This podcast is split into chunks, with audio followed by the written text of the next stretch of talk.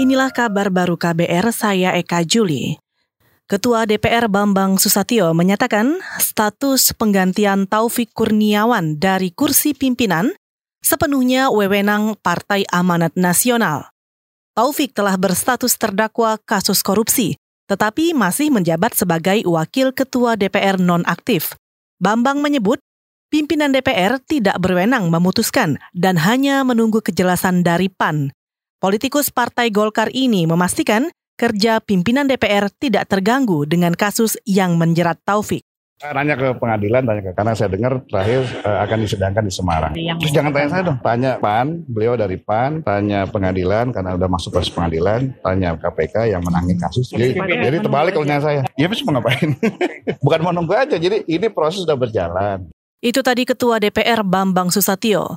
Kemarin, Saudara Taufik Kurniawan menjalani sidang perdana kasus dugaan suap pengurusan dana alokasi khusus APBN di Pengadilan Tipikor Semarang.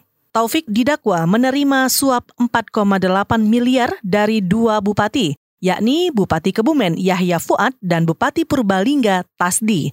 Uang suap itu untuk memuluskan alokasi DAK untuk dua kabupaten tersebut. Suharso Monoarfa ditetapkan sebagai pelaksana tugas Ketua Umum P3 melalui Musyawarah Kerja Nasional yang digelar di Bogor kemarin. Suharso menggantikan Roma Hurmuzi alias Romi yang terjerat kasus suap jual beli jabatan di Kementerian Agama. Suharso menyebut telah mengundurkan diri dari jabatannya sebagai anggota Dewan Pertimbangan Presiden. Dalam pidatonya di Mukernas, Suharto mengajak seluruh kader bekerja keras menyelamatkan partai berlambang Ka'bah itu agar tetap bertahan di parlemen. P3 harus melampaui ambang batas 4 persen jika tetap lolos ke Senayan. Suharto juga meminta agar kasus yang membelit Romi dijadikan bahan koreksi internal. Badan Narkotika Nasional atau BNN menyita sedikitnya 400 kg narkoba jenis sabu selama tiga bulan terakhir.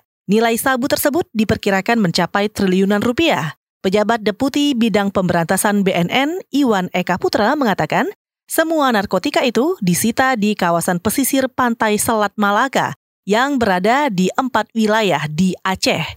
Seluruh barang terlarang itu dipasok dari Thailand dan Malaysia. Baru beberapa minggu yang lalu ada penindakan juga di Langsa. Kemudian sebelumnya itu ada penindakan dari Aceh Utara sampai di Aceh Timur. Tetapi kita lihatlah sekarang inilah fakta yang terjadi saat sekarang ini bahwa peredaran ini semakin marak, semakin masif karena perputaran uangnya cepat dan sepertinya itu yang masyarakat kita terima, terutama mereka sebagai kurir. Pejabat Deputi Bidang Pemberantasan BNN Iwan Eka Putra menambahkan, tingginya perputaran uang menjadi penyebab utama maraknya sindikat perdagangan narkoba di Aceh. Iwan mengakui aparat kesulitan membongkar sindikat internasional karena para pelaku banyak memanfaatkan alur-alur sungai. Kita ke lantai bursa. Indeks harga saham gabungan dibuka menguat 16,56 poin atau 0,26 persen ke posisi 6.499 poin. Sementara itu, nilai tukar rupiah di perdagangan antar bank pagi ini bergerak menguat 94 poin menjadi 14.094 per dolar Amerika Serikat.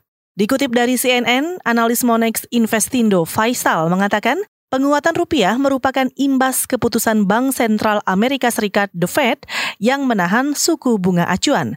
Mata uang Garuda berpotensi terus menguat jika rapat Dewan Gubernur Bank Indonesia hari ini menunjukkan optimisme ekonomi Indonesia. Rupiah diprediksi bergerak di kisaran 14.140 rupiah hingga 14.240 rupiah per dolar. Saudara demikian kabar baru, saya Eka Juli.